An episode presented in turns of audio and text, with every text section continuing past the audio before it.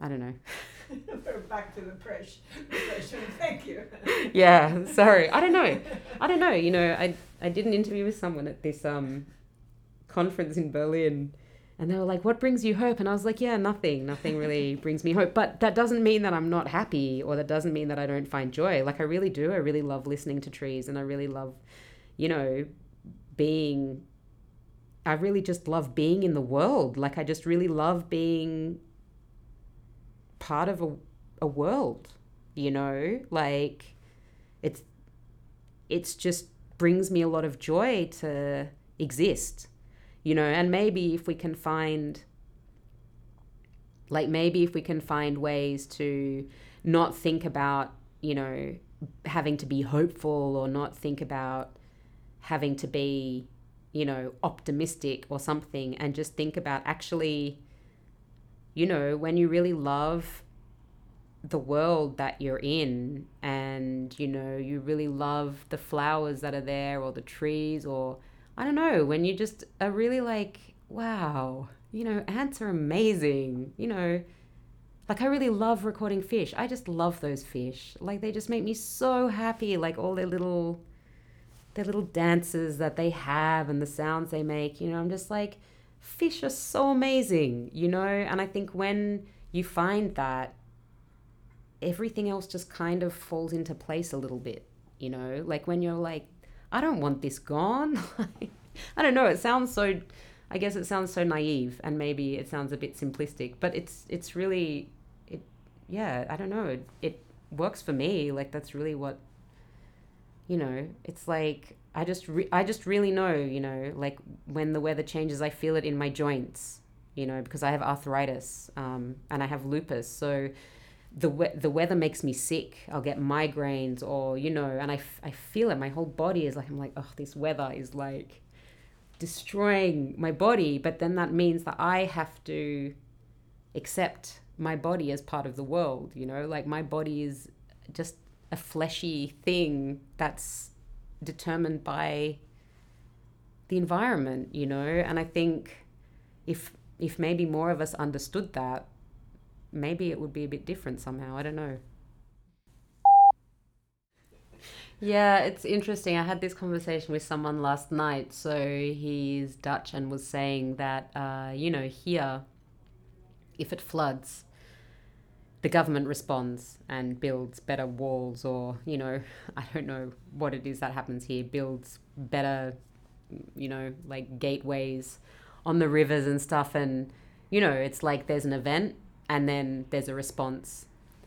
And I was thinking about Australia. You know, Australia is a is a land that has been built on genocide. Australia is a settler colony. You know, it's a colonized land. It's a land colonized by Europeans who, when they came into Australia, immediately positioned themselves in this kind of hostile relationship with the country and the indigenous people who lived there. So, you know, colonization was predicated on this story of terra nullius, so empty land. And I think this relationship to the country and to land as this like territory of like either we we kill this land or we are killed by it is really ingrained in everything around Australians' perception of our country.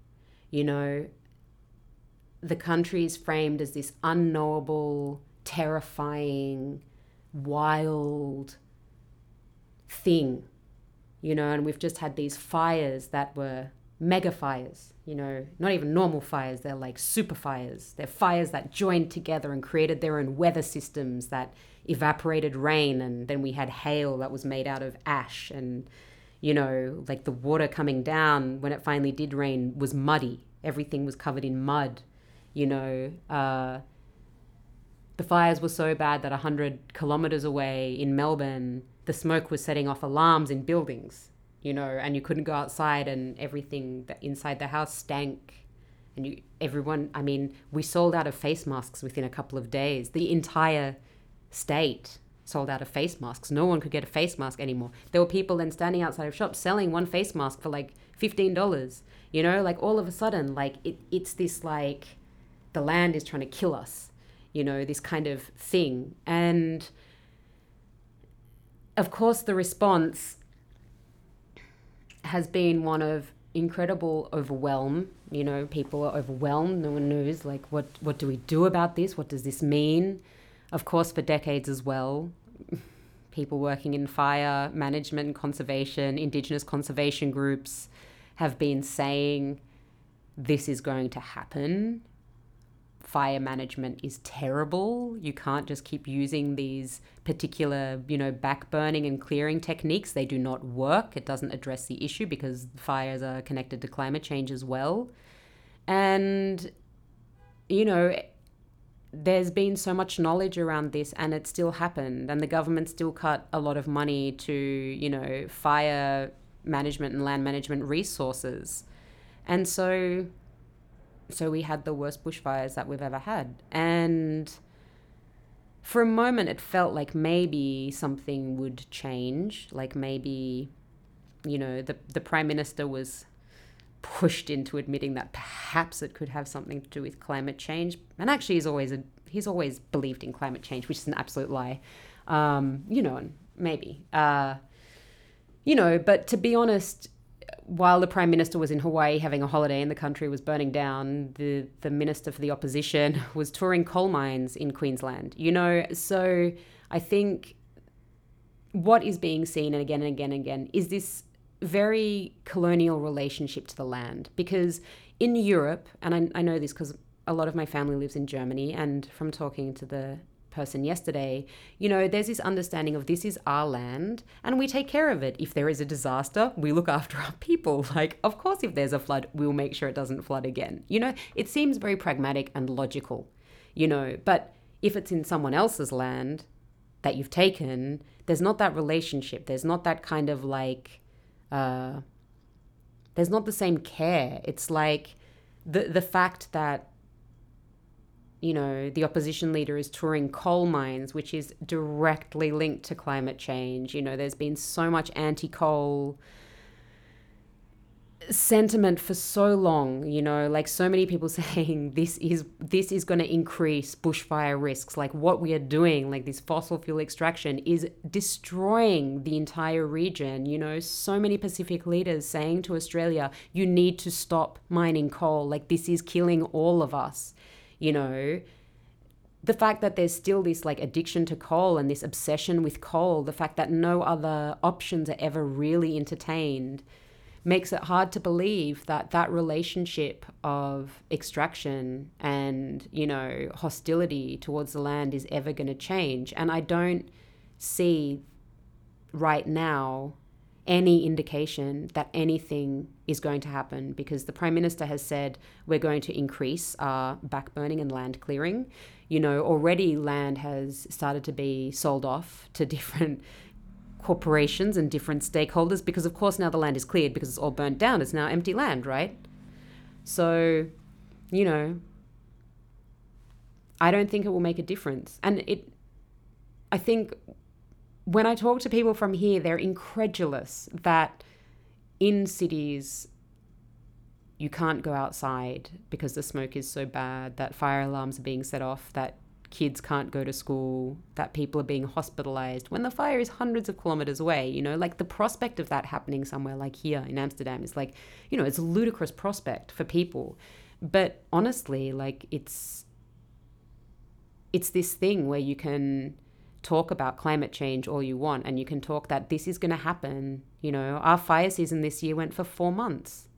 It's ridiculous. That is you know it's almost half the year. Like there is no time really between fire seasons to do anything you know? And and I remember someone telling me like because I had people that I knew that were you know evacuated and moved like telling me that a whole town was burnt down and then reburnt you know? Like that you know, it's just things where you're like, that's, I don't even know how that is possible. like, it's already burnt. What is left to burn? You know, it's just burnt. And, you know, there were stories about fire moving along coal seams. Like it was so ferocious that it went underground and moved along coal seams. And you think the intensity and the ferocity of that kind of fire is going to happen now, year after year. And it's just, it feels like no matter how many people go out on the streets or are angry about it, like it just feels like nothing changes really. So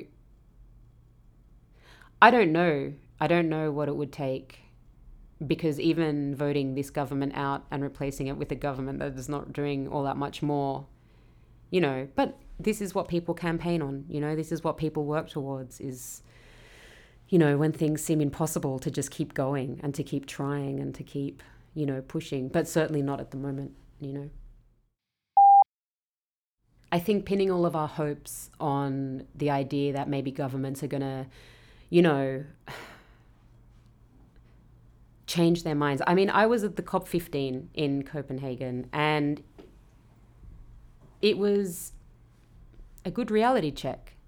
You know, it was a really good reality check because everybody that I knew went in there, you know, really hopeful, like everybody organizing and things went in there really hopeful and we were gonna we were gonna do these things and you know, there have been indigenous campaigners working for so many decades on these issues. There have been people pushing against these scientists. Like there have been so many people working on environmental destruction for so long now. You know, I remember my parents saying to me like in in the 70s that when they were sailing around the world, like they were like, we already saw this then, we already knew. Like we already knew. We've already known for so long. This is not a new thing. It's not like all of a sudden this has kind of happened over the past 10 years. And I think the scale of what needs to happen and the speed at which it needs to happen, I think if change was going to come from governments, it would have come by now because they've had a very long time to do something. And, you know, all of this stuff has come out that Shell and BP and those big companies, they've known. They've known the whole time, you know, and I just don't think that the state is going to offer any solutions because with every COP forum, you know, with every of these meetings, every single time it's things were unresolved. You know, we're leaving it till the next one. Maybe something will be more concrete then. And I think there's only so many times that you can hear Pacific leaders pleading with international audiences, saying, Our country is going to be gone. Like you are literally killing us, crying in these spaces before you lose faith that people are going to listen. You know, like that is, I just don't think that that is what is going to happen. And I mean, that's not to say that I don't think people should stop campaigning there or pushing for there or advocating there. I, I think that people need to keep doing that. I just personally don't place my energy there because I have placed my energy there and it's so crushing that no one is listening, you know?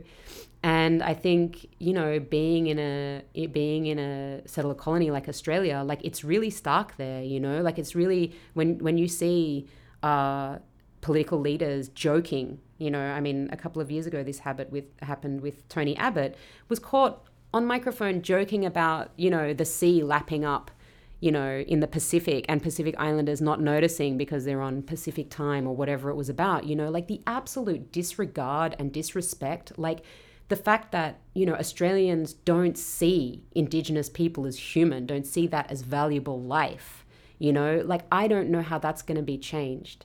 And I think for me, where my work lies is on changing or thinking about how we inhabit the world, like thinking about who we are about what and who we designate as human and how we exist in this world because that's the only way that I can I can kind of function is to concern myself with that rather than continually you know watching this absolute devastation and destruction play out and you know it, it's always capital put over human life like it's always that is more important.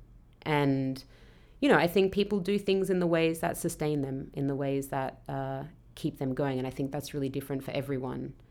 Uh, but yeah, you know, I spent a lot of time doing that. And now I also don't have the physical capacity to put my body into those places anymore. Um, but I think it is really, really important to always be experimenting with being otherwise you know, and to always be asking really difficult questions around that and asking what what does it mean to be responsible to the world and to be accountable to world and to think about yourself very fundamentally and very pragmatically as part of the world.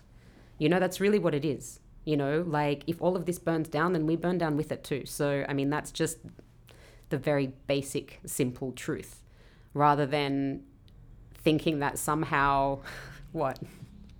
The world will, the ecosystem will collapse and we'll be fine. Like, that's not, that's just really delusional, you know? But yeah, I think we put all of these buffers around ourselves to pretend that somehow we're not vulnerable, you know, that we're not kind of at the whims, you know, of of our environment. I don't know. I I think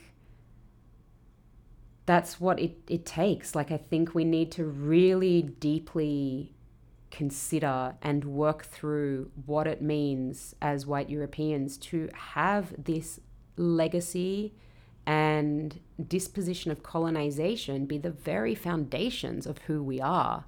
You know, like what is it that drives us to, to be like this in the world? What is it that drives us to, you know, prioritize these particular kinds of things that we have? Uh, when we know that how we are doing things is very destructive, that there's a cost, right? And even knowing this, I will still catch a plane and I will still buy things with plastic, you know? And so to really, th- like, to really spend a lot of time thinking about that and thinking about what that means and like what we, what we are doing to the place that keeps us alive. And what does it mean when that place can no longer keep us alive? Because it's not, you know, it's not about anything more magical or mystical than that. It's really like there are finite resources and we are using them all up and that's having a really big impact so what does that mean you know like what does that mean about who i am and how i understand things and i think i think that's really what art can help us do is like to help us reconceive who we are and you know what what responsibilities we have i think you know like with the bushfires now made it impossible for kids not to know because it was fires everywhere, you know. And I have a, th- a three and a half year old, and incessantly she asked, Are the fires coming for me? You know, the fires have killed all the animals, the fires have taken all these people's houses, like the fires have eaten all this land, you know. And for her, the fires are like this m- monstrous force, right? It's just the fires you know and even now uh, even though there's no smoke anymore she, she'll be coughing and will say, Oh, the smoke from the fires is making me sick. And I'm like, There's no smoke from the fires. But it's so ingrained now in her understanding of the world. And I think, you know, what I try to do with her is I I guess I try to instill in her like, you know, when I was growing up, I grew up on the ocean. Like that was where I was all the time. That was my home, you know. I spent all my time in mangroves like that that was just my life and you know, those were my friends, those were my kin, you know. And when you think about it, I mean, what I was reading the other day, we share a quarter of our DNA with trees, you know, and it's very easy to talk to children about that, you know, like my kid. goes up to trees and hugs them and says this is my cousin you know and I would find her outside when when it was really smoky, like crooning to the plants, saying, "I'm I'm sorry, your brothers are dying. I'm I'm so sorry. You know, your brothers are dying." And for her, there is there is no distance of her body from the world. You know, like it's all just entangled together. Like she's always like, "Oh, the the birds are telling me these things and you know listening to everything and she's very attentive to everything like that and i think there's a real violence that gets done somewhere along the line that pulls us away from that attentiveness to the world around us and to the understanding that it's all enmeshed. You know what I mean? She intuitively understands that it's enmeshed. When I was a little kid, I intuitively understood. I think a lot of kids like understand that that's maybe because you're so small and the world is very big. So you I, I don't know, you know, but I think just being attentive to nurturing that sense of enmeshment, you know, and as time goes on, like unfolding what that means, you know. I mean, we talk a lot to our kid as well about what it means to be to be white from my side, uh, you know, and what it means to kind of be carrying this legacy with us in our body and you know talking to her about yeah this this land that we're on it's not our land. Like it was this is very funny discussions with three year old because she was like but is this our couch? Like is this our sofa? Can i be? And i'm like yeah yes. You know but i think you really need to start having kids uh, having conversations with kids at that age you know especially white kids because it's really important for them to understand what they're coming with into the world and you know what what might help them navigate that in less harmful ways or at least be attentive to the harm that gets caused you know? And i don't think it needs to be a big a big serious you know overwhelming or depressing thing. It's just it's just the reality you know? And i think a lot of kids i think one of the, the worst things we can do is to pretend to children that it's not happening that everything's okay because it's not okay and I think children really know that. Like they feel it in their bodies that it's not okay. And I think we just have to sit with them and say, yeah, this is this is this is what it is. Like I can't lie to my daughter and say that there's not going to be fires again because there will be. You know, and I can't pretend to her that she's not going to be affected because she will be, you know, and I think just being really honest and truthful and yeah, compassionate with them is I don't know. That's that's what I try. It's great to minimize the amount of stuff that you consume and recycle things. Like that's fantastic and that's, you know, for people who can do that and have the, those like waste management systems and things like that established, like it do what you can, but I think really you know the the huge lie that we're sold that changing a light bulb will make a difference or you know that I, I don't know, like that you know, not buying certain things is going to really make a difference. Like this kind of lie about green consumerism is really pervasive. And I think it's also like really like affected the middle classes so much, right? Because everyone kind of gets into this mindset, myself included, that we can consume our way out of climate crisis, you know, like if I just buy the right things and, you know, whatever. But it's absolute bullshit, you know, like the thing that really will make a difference is putting pressure on governments and corporations, like making it untenable for them to continue doing what they're doing. And of course, then that you get into the realm of things that feel very exhausting and things that feel very difficult.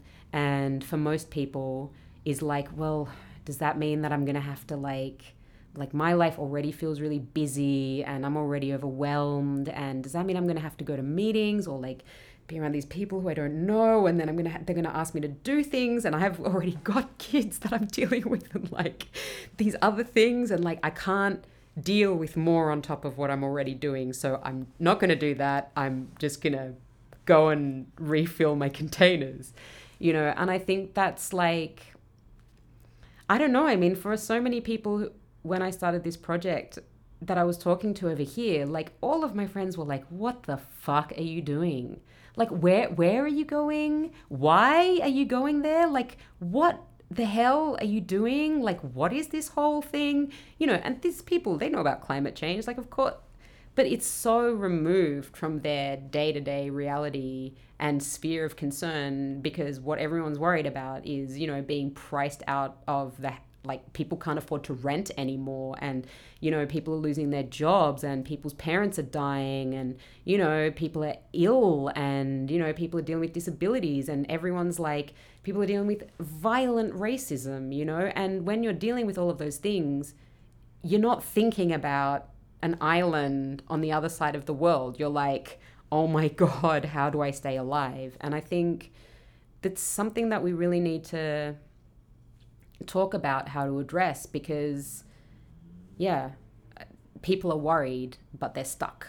You know, like people don't know what to do. And when the things that you could do seem so insurmountable, you end up just not doing them. And then you end up just not, like, it's just for other people to do. And I guess that's what I was talking about with like kind of coming to understand that it's not an it's not an option because we are reliant on the earth to survive. Like it's not this like optional thing. It's like if if we don't do this like a lot of people are already dying but like the the level of eradication is enormous. Like it's inconceivable you know and now right now people are worried about migration in Europe or whatever but in 10 years time when so many lands are uninhabitable because of drought and civil war what is happening now is nothing you know? Like and i think that's you know what what are people going to do when it costs 20 euros for a bunch of bananas like what are people going to do when you know we can't you can't afford to pay for anything anymore because everything is so increased in price and when there's water shortages you know? Like that's not the levels that we're thinking on but that's what we have to be thinking about you know? And i think somehow we need to bridge that thing without making people feel guilty. And also anxious. and also anxious because it doesn't really serve mm. anyone. It I yeah, I don't know. I think my main approach is a very pragmatic approach, like really knowing, and a lot of scientists that I talk to as well say this too. Like people who have known this for a long time is like, well, I'm in it for the long game, you know, like this is, this is it, like this is, this is what's going to happen. We know this undeniably. There's no two ways about it. Like even if even if we cut all emissions now, we are still in that cycle now. Like nothing will change that. It there is going to be catastrophic global warming. There is nothing we can do now is going to change the next 100 years. You know, that is known. If we act very quickly, hopefully something will maybe not get as bad as what it could. Seven degrees, eight degrees. I mean, 1.5, and you're already getting half of Australia burning down. So, you know, I don't know what happens when it gets to two. You know, like, I think yeah, I mean, two degrees, the Pacific, a lot of Pacific atolls are gone. You know, so it's not really this kind of thing where it's like, well, I better do everything. You know, like it, it's we have to be thinking about a really long term thing there and just find ways to yeah reconfigure our relationship to the world and its resources and how we use them. You know. Yeah, I mean, I think the way that geographies, I suppose, are alive is the relationships of different things that are part of them, you know? So if you think of different ecological environments, different ecosystems, you know, an ocean space, there are there are fish, there are animals, there are waves, there are plants, there are sands, there's all these different things that kind of make up that particular ecology and the way that particular landscape, I suppose, is formed. The same with any environment. Like, I just keep looking out of the window here at the kind of landscaped environment, and I think, you know, what makes that space at a particular point in time are the people who are moving through it. It's the cars that are moving around it, you know, it's the trees that are there, whether they're in bloom, whether they're, you know, um, leafless like they are now. Like, all of these different things create a particular kind of environment and those environments always sound different. But the environments are made up of their kind of their constituent elements and then more than that you know? One of the difficulties and beauties of working with sound is that it's really hard to speak about sound in any general way you know like you can say well an affordance of sound is that it's vibrational you know, and that seems like a very common statement, or everybody can kind of be affected by sound in a certain way, you know, even for people who don't hear sound or cannot hear sound, there's still a sensory aspect to sound, the vibrations, you know, and so there are particular kinds of things that we say, like sound has these affordances, vibrational qualities is kind of like shared across bodies, you know, it can be, it can be, um, it can be encountered by many people at one time you know. But the thing is, you know, sound is also incredibly specific and very ephemeral. You know, sound is then at the same time not encountered in the same way as it is by you you know, as I encounter it. And also, it's contingent on a whole number of things how we encounter it. You know, if I'm in a bad mood and I'm really upset and I hear a, a car alarm going off, I'm going to have a very different relationship to that sound than, you know, if, if I'm happy and I don't really care and I'm walking past, I might ignore it. I might not even hear it, you know. And so I think that's something that makes sound almost impossible to talk about which I think is why a lot of academics um, who write on sound, we really struggle with writing on sound. And so I feel like a lot of the work is kind of an illustration of this struggle to talk about something that is really, you know, m- maybe if you're a scientist, um, you know, someone that works with the physical properties of sound, there's a different language to talk about it. But I think when you're a social scientist, it, it makes it very hard to talk very generally about sound outside of its very specific contexts.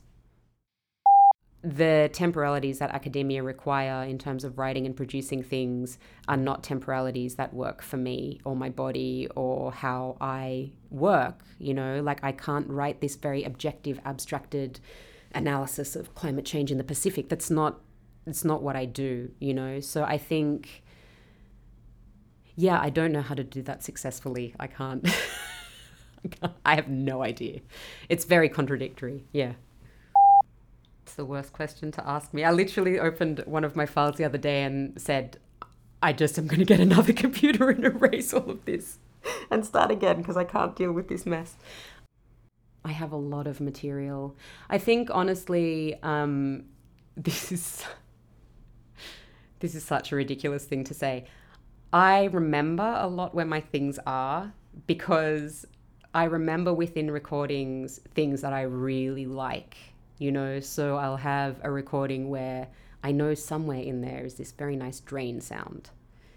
And I'll remember like where the recording was made and kind of what I called it, but I have no idea in the recording where that drain sound is. I just know that it's somewhere in a 30 minute recording and then I have to sit there and listen to it.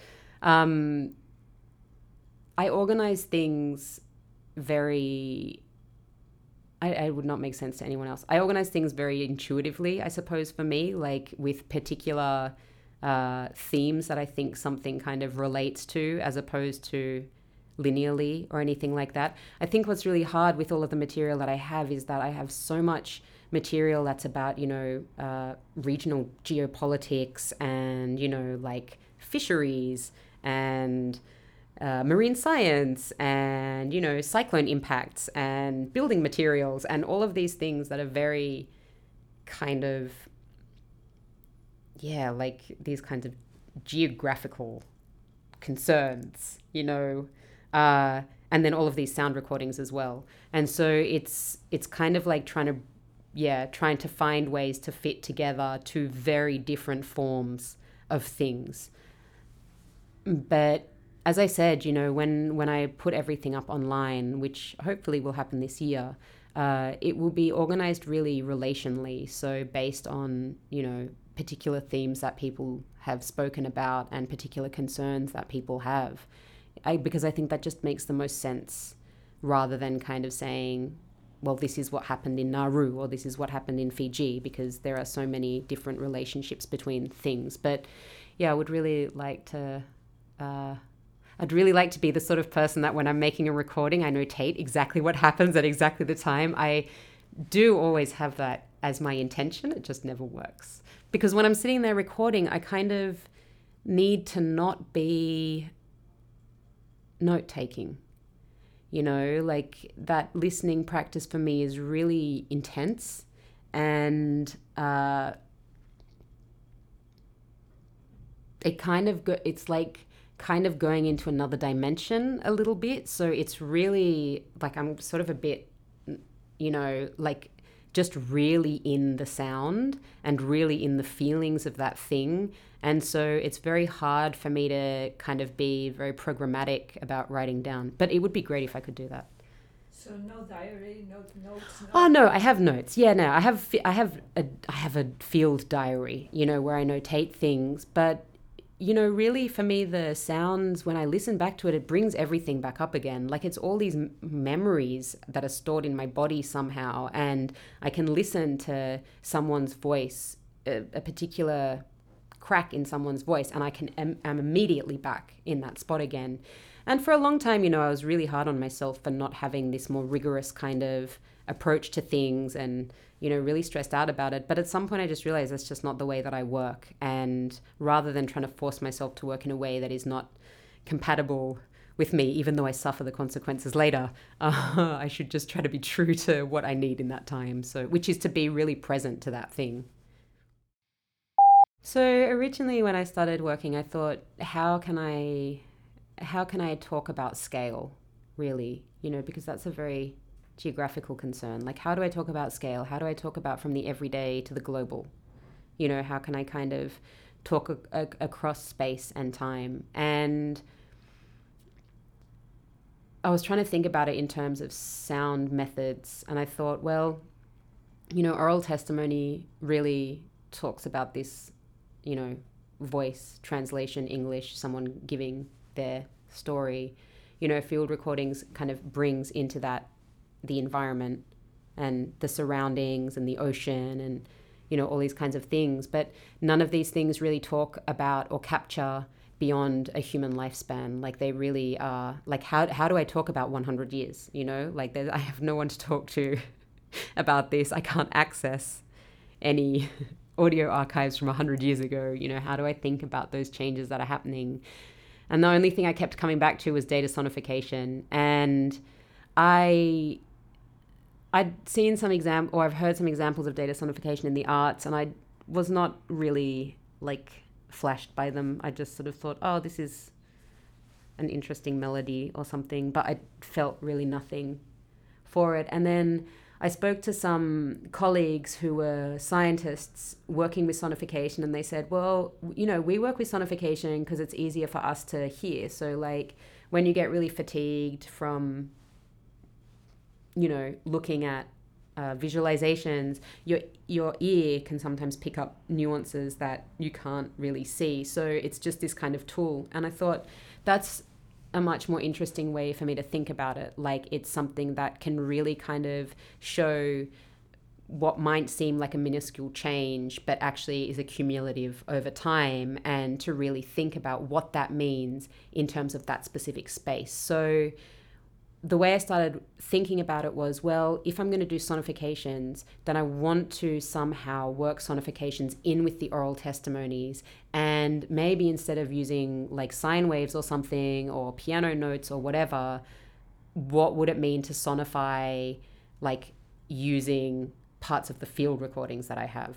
So that's what I'm working on, on at the moment uh, with a friend of mine who is a composer. Uh, and we are trying to think about like what it would mean to take like I don't know the sound of a damselfish, you know, like one little chirp of a damselfish, and to use that to sonify uh, coral bleaching and somehow attach to that as well people talking about the impacts of coral bleaching on marine protected areas, right? So to kind of both embrace the the ability that sonification has to work across this enormous temporal scale, but to really ground it back in a very specific environment. I mean, one of the big problems that we've encountered so far uh, in talking to some scientists about this, especially in the Pacific, is that the data is really patchy. You know, like there are whole decades where there's just no data, you know, and then, you know, sci- the scientists we were working with, this uh, marine geographer was kind of like, yeah, and then there's also like, were they using satellites or was it this kind of like, you know, uh, uh, like local data gathering. Like, so how was the data even gathered? Because you don't really know that. So, how was the data gathered? You know, is did, did the data gathering mechanisms change over time, which will mean that there will be differences in the data. But also, you know, one thing that I really discovered was that, so for instance, in Nauru, there's been a temperature increase, it says in the data, of like one degree. But people that I spoke to were like, I remember when I was a kid, I could walk around here and it was fine. And now it's so hot that my kid can't even go to school because it is too hot for them to walk there. Like we cannot go outside in the daytime. Everyone's sitting in their cars with the air conditioning on. You know, like there is this entire economy of air conditioning, you know? like and it causes a lot of conflict. Like who has the resources to have air conditioning and where air conditioning can be accessed right? Like it's a whole like class thing. You know it's this it's an enormous issue is heat. And yet the data shows a one degree increase. So it's like well the data is totally contradicting what people's lived experiences are. So why is that contradiction there? And i think you know most people working with data would just assume that that is what it is and then just go away with that and that's the story. But once you start bringing in people's experiences and empirical evidence then you're like i don't know what's happening there so need to figure out what's happening there. You know and then you get into the the terrain of being like, okay, well, because of mining in Nauru, a lot of the kind of natural environment, the, the cover of the, the earth, like all of the trees and everything, has been taken away. So maybe that increases people's experiences of heat, or the fact that there's also been drought and, you know, there's water shortages might increase people's experiences of heat. You know, so all of these different things come into play, which I think really problematize a straightforward understand understanding of sonification and how sonification might be used. And I think that's what we're really trying to work on is like how to kind of deepen sonification so it's not just this aesthetic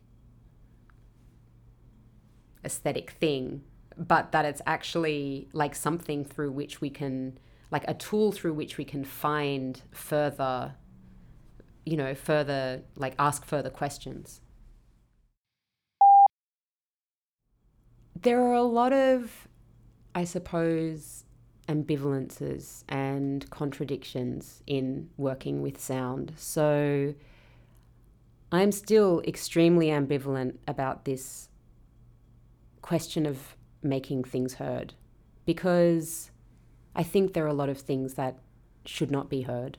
And I think there are a lot of things that should not be heard by me you know, and things that we don't deserve to hear that have uh, a right to opacity, which is what Fred Moten says. Um, things should be allowed, or people should be allowed to keep their secrets, you know, and there's a lot of questions for me in what I do around that.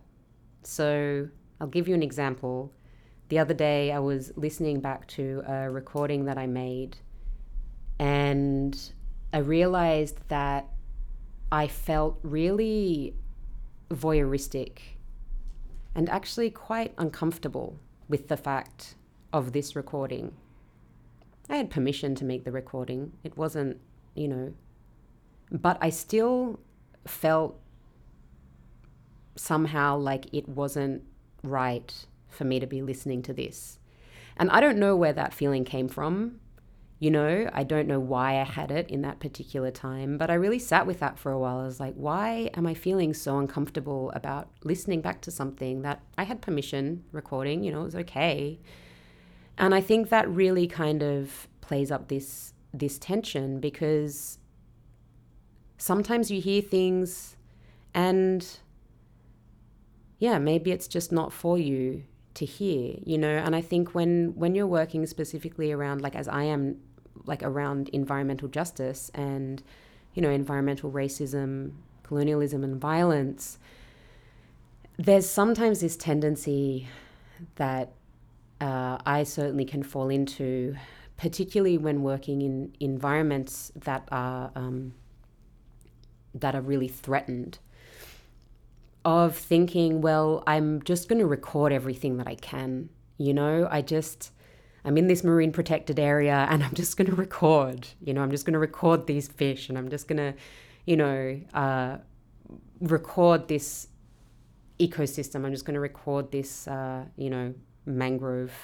forest. I'm just going to record these things. And I sit there and I listen and I listen and I record. And somewhere along that process, I started before I even would turn on my recorder, I'd just sit there for a bit and I thought to myself, I just want to say into this space, like, I just want to ask if this is okay. Like, I just really feel the need to just verbalize a question and just kind of say, My name is Anja, and this is what I'm here doing. And I would just like to ask if it's okay. And, you know, I just want to feel what that feels like for a little bit, you know. And there really are places that I encountered where it did not feel okay. Not because there weren't people there or anything like that. Like the no one was saying it's not okay, but it just really didn't feel okay in my body to be doing that. And other places where it felt okay. And so I started thinking about that a lot, right? One of the things that I really struggle with is, you know, uh, academia likes to posture uh, around interdisciplinarity, and there's this real kind of um, this real kind of representation of interdisciplinarity in academia is something that is sought after. But in reality, you know, uh, that is not, in my experience, that that is not true. So within my discipline of geography, I can't even tell you how many times, so many times, I get asked, why are you doing anything with sound? What's what's the purpose of this? What is the value of this? You know, why why sound? Why not visual? You know, landscape is visual. Geography is about earth writing. You know, what what is this sound? You know, I mean, every every conversation that I have at conferences or talks with geographers, it's always someone is asking me what's the point of what you do? You know, and if I mean, I also get told, well, you should do a more Marxist analysis of sound. Perhaps that would be more relevant to the discipline, you know, and and this kind of very like social science analysis of sound, like what you hear. And I think the thing that I, I keep pushing back against is that, you know, I I write how I write, and sometimes that's very opaque. But that opacity is necessary because if I try to put it into a different language, it takes away some of what I struggle with. You know, and I think sometimes that opacity is a representation of the struggle that I have to not write about it in this very kind of like Marxist analytical way, or, you know, like what is present in a lot of sound studies, which is this very kind of te- uh, technological, a focus on sonic technologies and, you know, or a focus on like sonic history or music history, but to kind of always grapple with this kind of intangible thing, you know. So I think, yeah, I think it's a, a very fraught, fraught and difficult process that is very uh, hard to justify in the social sciences.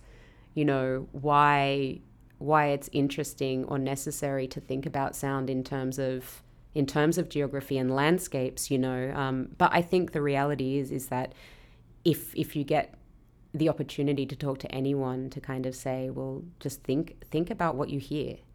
You know, start from that point. Like really, geographers love being outside. That's what geographers love to do, you know. Even the non sort of physical geographers, you know. And it's like, well, think about what you hear when you are somewhere. That's what I'm trying to talk about, you know?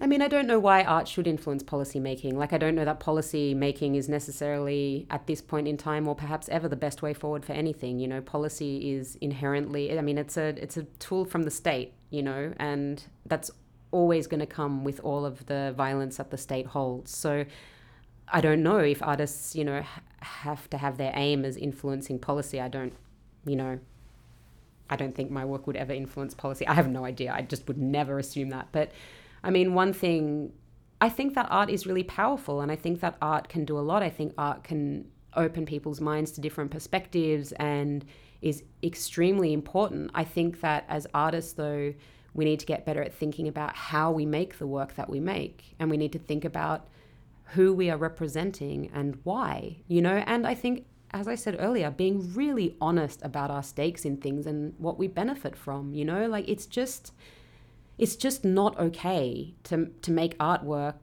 about, you know, minoritized groups if you're a white artist and to kind of build a career on the the consumption of other people's trauma. Like that's just not it's just not okay.